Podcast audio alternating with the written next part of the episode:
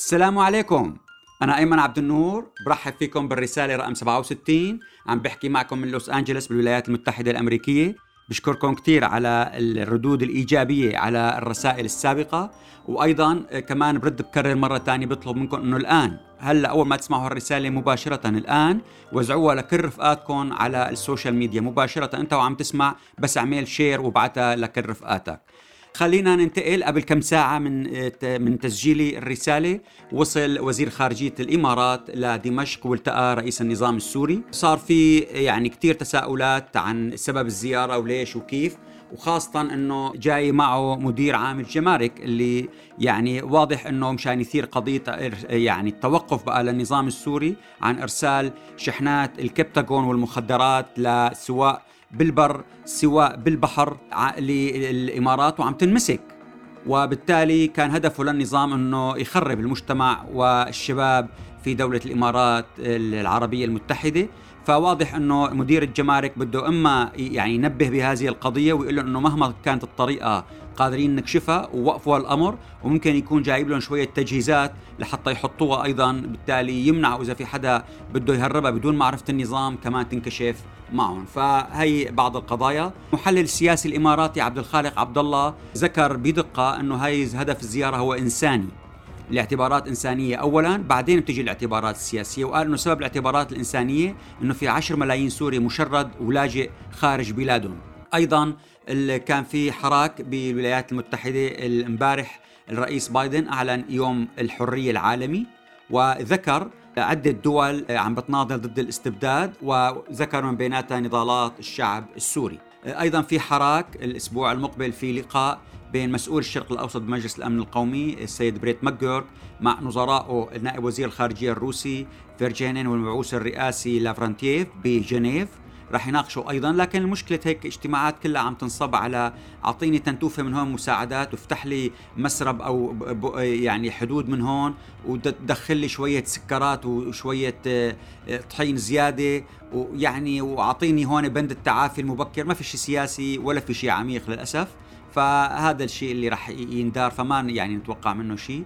أيضا روسيا كمان قررت تعمل في منتصف الشهر المقبل لاجتماع لوزراء خارجية روسيا وإيران وتركيا جماعة ضامنيه السيتانا أمريكا كمان رح تعمل باثنين من بشهر ديسمبر يعني كانون أول المقبل أيضا اجتماع لمؤتمر التحالف الدولي لمواجهة داعش ورح تعمله ببروكسل. فهي المناخ العام. هلا في أيضا الآن في حراك بواشنطن للاستفادة من التقرير اللي عملته منظمة هولندية اسمها باكس. طلعت جابت صور بال satellite من الأقمار الصناعية عن مناطق تواجد الجيش الوطني ولقيت إنه في ثلاث سدود ترابية عاملينها قطعوا فيها نهر الخابور على بعد 80 كيلومتر من شمال غرب الحسكة وعم بتقول إنه هذا الشيء آه، أثر على كل الفلاحين والقاطنين وأصحاب القرى الصغيره اللي موجودين على ضفتي النهر على بعد 4 كيلومتر وهن عبارة عن 60 مجتمع يعني قرية صغيرة وبالتالي هذا أثر على الناس أثر على الثروة الحيوانية أثر على الزراعة إنه ما عاد عندهم مي. وعم بيقول إنه هذا الشيء آه، شمال الصفاح جسر الصفاح عملوا ابتداء من مايو أيار 2021 لحديت أكتوبر 2021 آه، بستة كمان أنهار أحد السدود وبالتالي تدفقت المياه فبتفرجيك الصور كيف اختلفت تدفق المياه والقصة. فهن عم بيطالبوا إنه يصير في إنهاء وإلغاء لهذه السدود الصغيرة ويعني انهائها وأيضا مباشره التواصل مع الحكومة التركية من أجل الضغط وتأمين المياه لكل الناس والحقوق العادله للمياه في المنطقة. وبالتالي هذا الأمر الآن وفق ما فهمنا من أشخاص في الإدارة أنه راح يتم إرسال رسالة لوزير الخارجية من أجل يعني من منظمات تعمل في واشنطن وهو راح يتبناها وراح يبلش العمل فيها. وبالتالي راح يزداد التصعيد ضد تركيا وضد الجيش الوطني في تلك المنطقة. الجيش الوطني من جهته أيضا عمل مثل يعني مقال بحث صغير جدا سماه ما بين سياسة الكيل بمكيالين والتماهي الأمريكي حيال نظام الأسد العدالة في سوريا إلى أين؟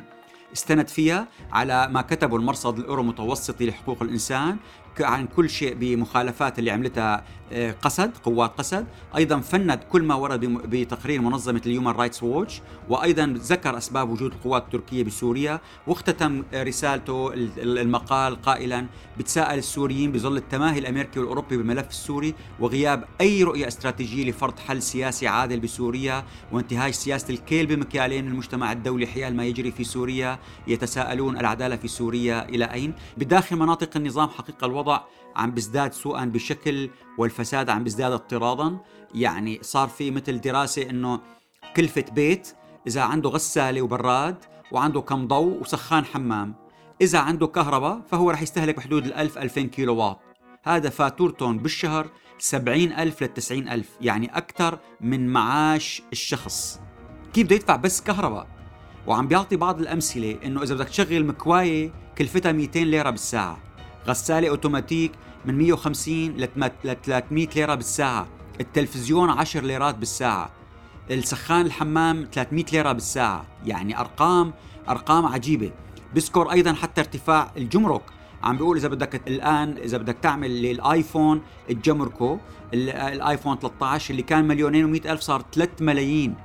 السامسونج نوت اللي كان آه، بحدود 211 ألف صار 360 ألف يعني أرقام كيف بدها تعيش الناس؟ الصحفي الدكتور نبيل عز الدين حما عم بي عم بيسخر عم بيقول إنه أنتم الآن كيف وزير وزير التموين عبر مؤسسه التجارة الخارجية طلبوا شراء 25 مليون عبوة زيت دوار شمس كل وحدة منها لتر. طيب المعامل بسوريا معبايه الدنيا اللي بتعمل الزيت اسمحوا لك تستورد المواد الأولية بسعر منافس بدون التعقيدات في الاستيراد وبتطلعها أرخص بكثير من الاستيراد. هلا أنتم عم بتبيعوها بالتدخل 7200 ليرة للتر الزيت. هذا السعر المدعوم على البطاقة وبيطلع لك لتر واحد على البطاقة الذكية. بينما سعره بامريكا هذا اللتر 2900 ليرة. بامريكا وقديش دخل الامريكي وقديش دخل السوري. يعني شيء مو طبيعي. شيء عم بيقول اسمحوا لنا بدل ما تستوردوا من برا إلا إذا كان في عمولات على الاستيراد. فإذا أنتم قابضين يعني دولار على كل على أو أو نص دولار على كل عبوة هي 12 مليون دولار. فقصة حقيقة كمان هذا مسار تندر الآن في قضايا في, في, في الإعلام الداخل سوريا. في مناطق شمال شرق سوريا أيضا في الآن الحراك. بخصوص ماذا المستقبل مع شمال غرب ومع شمال شرق وما هي موقف قوات قسد الآن وخصوصا بعد زيارة إلهام أحمد لموسكو والحديث عن أنه شو المستقبل تبعها وخاصة أنه ما عاد عندهم خيارات كثيرة. يعني واضح تماما أنه روسيا وأمريكا وتركيا في اتفاق على إنهاء كل البؤر التوتر وإنهاء كل المناطق اللي فيها إرهابيين. طبعا التعريف الإرهابيين بيختلف من كل دولة لدولة من هدول الثلاثة لكن الكل متفق إنه بده ينهوا الإرهابيين بده يصير في تغيير وتعديلات بالمناطق وبالحدود وبالأراضي وفق الاتفاقات السابقة وبدها تنفذ اتفاق 2019 وبالتالي بده يكون في انسحاب لكل القوى على الأرض ودخول مناطق جديدة أو انسحابها من مناطق أخرى. ومشان هيك عم بتسلف آه، قسد للروس سمحت لهم بيمرقوا بقافلة من دير الزور إلى رقة وضمن مناطقها رغم إنه المجلس العسكري لدير الزور ما كان موافق صار في كثير أيضا قضايا يعني بتلك المنطقة تعاون ولقاءات بين قسد ومسد والنظام السوري لقاءات مع الروس. الروس كثفوا قواتهم الأتراك دخلوا قوات أكثر. النظام أدخل بعض القوات في عدد من المناطق بمنبج. بتل رفعت وهكذا فاذا في حراك في آه، حركة واقفة لسه الآن لأنه الولايات المتحدة ما أعطت أي ضوء. عم تقول إنه أنا ما بتدخل إذا كان في شيء أحمر لكن في شيء يعني بده يصير. ما أعطت لسه ما غمضت عيونها وبالتالي الأمر عم بيتم ترتيبه قريبا جدا يبدو. واضح إنه الروس عم بيطلبوا من يضغطوا هن والأمريكان على قسد إنه تتعاون مع النظام. وقدامها أربعة خيارات. إما تتعول فقط على الغطاء الأمريكي وما بيعرفوا هذا إمتى بينسحب. الخيار الثاني إنه هي تتصدى لحالها قصد للجيش التركي والجيش الوطني بدون أي مساعدة من حدا وهذا كمان يعني شبه انتحار وهذا الشيء بيؤدي إنه معظم 65% منا العرب والمسيحيين يتركوا آه، قوات قسد ويغادروها. وأيضا قيادات تبعها ممكن ترجع لقنديل. الخيار الثالث مثل ما بيقول العقيد عبد الجبار العقيدي بمقالته بموقع آه، المدن إنه الخيار الثالث العوده إلى نظام الأسد اللي تدربوا وكانوا عاشوا عنده وأعطاهم أسلحة وسلمهم المناطق. ووفق التصريحات الأخيرة اللي ذكروها عدد من قيادات البي كي كي حزب العمال في قنديل وبعض وبعضهم اللي هن داخل حزب الاتحاد الديمقراطي من الحوار مع دمشق والحكومة الشرعية ودمشق هي الأصل وليس جنيف. الخيار الرابع اللي هو أنه آه، العودة إلى أحضان روسيا بسبب الارتباط التوجه اللينيني الماركسي لحزب الاتحاد الديمقراطي اللي بطلته وبعدت عنه روسيا بعد فشل تجربة سقوط الاتحاد السوفيتي وظل حزب الاتحاد الديمقراطي متمسك فيه. فكمان هذا ممكن أيضا يعني ينبطح قدام الحضن الروسي. لنشوف شو اللي بده يصير لأنه الوضع حقيقة يسير بطريقة معقدة جدا.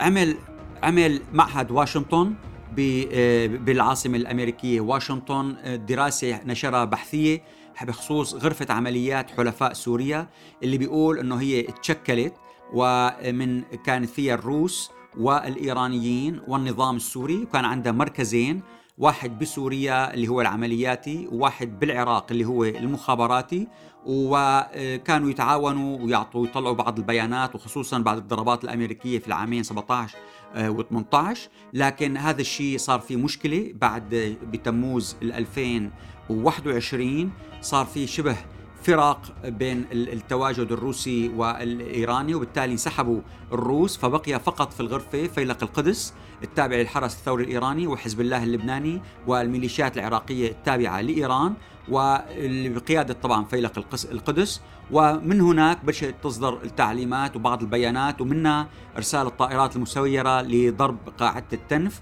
وهن المسؤولين عنها. وهذا الشيء بيكشف عن هوة الخلاف بين روسيا وإيران بالملف السوري. وبالتالي يعني في عدد من القضايا اللي لسه كل واحد منهم تختلف المقاربة تبعه. فمثلا روسيا ترى أنه بإصلاح الجيش وأجهزة الأمن تبع النظام هذا جدا جدا مهم. لهم دور في المستقبل لازم يكون لكن لازم يكونوا يعملوا بطريقة احترافية ضمن الدولة. بينما إيران ترى لا لازم يكون عندها ميليشيات وهدول لازم يكونوا تابعين لها مثل حزب الله في لبنان والجماعة الحوثيين في اليمن والميليشيات الحشد الشعبي الطائفية في العراق. فهذا نقطة. في نقطة أخرى أيضا أنه روسيا بتقول أنه العمليات العسكرية الكبيرة انتهت وبالتالي لازم ينصب العمل على التسوية السياسية بينما إيران لساعة بتدفش النظام السوري ليعمل بعض المناكفات مع تركيا بإدلب بلكي بيقدر يحصل بعض المناطق. والهدف الأساسي منها إشغال حاضنته والموالين إنه ليكو لسه الحرب قائمة، لسه الحرب مستمرة، لسه ممكن يهجموا علينا ويقتلونا هدول المعارضين وجماعة تركيا لحتى يلهيهم يلهون ما يحكوا بقضايا الاقتصاد وما يحكوا بقضايا ضد الفساد وما يحكوا إنه ليش فلان سارق الدنيا كلها وليش فلان فلان عنده كل هالقصور والسيارات بينما الشعب فقير وليش فلان ما حسينا إنه ابدا قدم اولاده ولا قدم تضحيات وهو عنده كل هالمصاري وكل هالثروة وكل هالمناصب الكبيرة بينما الشعب اللي عم بياكلها حتى يلهوه عن هالحكي لازم يعملوا بعض الحركات العسكرية. أيضا روسيا عم تضغط باتجاه إنه يصير يتم إنجاز الدستور بأسرع وقت ومنفتحة على مناقشة مستقبل سوريا ومصير الأسد بينما إيرانيين بيعتبروها محور وهو ضلع أساسي في محور المقاومة بالتالي لا يمكن التنازل أو التفريط فيه نهائيا. موسكو منفتحة على العمل مع السعودية والإمارات وإعادة الإعمار وتمويلها وإنعاش الاقتصاد بينما إيران ترى أنه ذلك تهديد لها ولتواجدها وبالتالي تعمل فقط على أنه تدخل السعودية أو الإمارات إلى سوريا بحدود مضبوطة وبمراقبتها وبإشرافها وبمتابعتها. فكمان هذا في فارق بيناتهم. الروس بيطلعوا للقضية الكردية أنه هي يعني آه، ممكن أنه تكون جزء من الحل المشترك مع النظام السوري وبالتالي يكون هناك ضمن الحل السياسي تلحظ ويتم إنهاء هذه القضية بتسوية مرضية للجميع الأطراف بينما طهران تعتبر انه القضية الكردية هي وجودية بالنسبة لها لأنه في عندها مناطق فيها أكراد بإيران وبالتالي ما ممكن تسمح يعني بأي تمدد أو حرية أو آه، تاخذ إدارة ذاتية لأنه هذا الشيء بيأثر عليهم أيضا في إيران. فاذا هذه القضايا مجتمعه ناقشتها كمان السيدة إلهام أحمد آه، بموسكو. ويعني النتائج حقيقة في إشكالية على الجميع. لنشوف كيف بدها تنتهي. أيضا حكومة النظام ألغت الدعم لنصف مليون سوري وعم بيطلعوا الآن قوائم وعم بيعدوها بشكل إنه ما يكون عندهم لا بطاقات ذكية ولا أي مادة يستلموها اللي هن التجار كبار ومتوسطي المكلفين بالضرائب من وزارة المالية المحامين.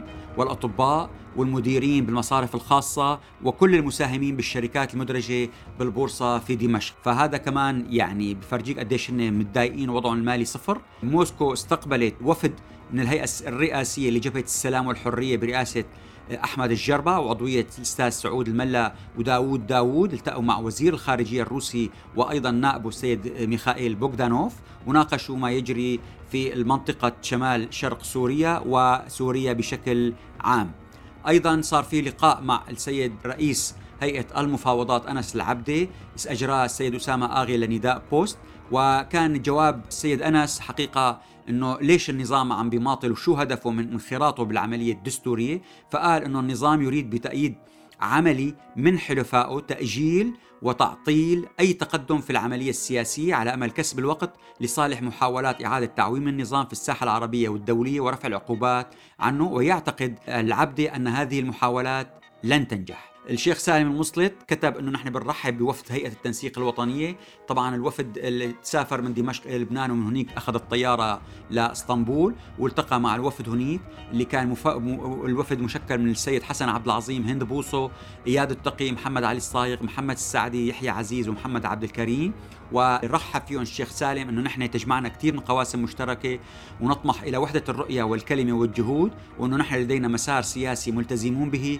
وحريصون على إنجاح هذه الاجتماعات والخروج برسالة موحدة للشعب السوري، هذا بشكل عام الناجحين حقيقة يعني فينا نقول السيد ماجد شمعة اللي خطف الأنظار خلال آخر فترة بسبب اعتقال اللي تعرض له وبعدين إطلاق سراحه والاحتفالات اللي قاموا له إياها زملائه الصبية الصغيرة لين ياغي اللي عمرها 14 سنة توجت يعني بلقبة بطلة فرنسا للشطرنج في فئة البالغين. من العمر أقل من 14 سنة علما ما صار لها سنتين فقط في فرنسا إجت من سوريا. بعد ما طلع أبوها من سجون نظام بشار الأسد الروائي السوري نبيل سليمان فاز بجائزة العويس الثقافية بالإمارات وهي من أحد الجوائز المهمة هناك فكمان بنقول له ألف مبروك. شكرا لكم جميعا.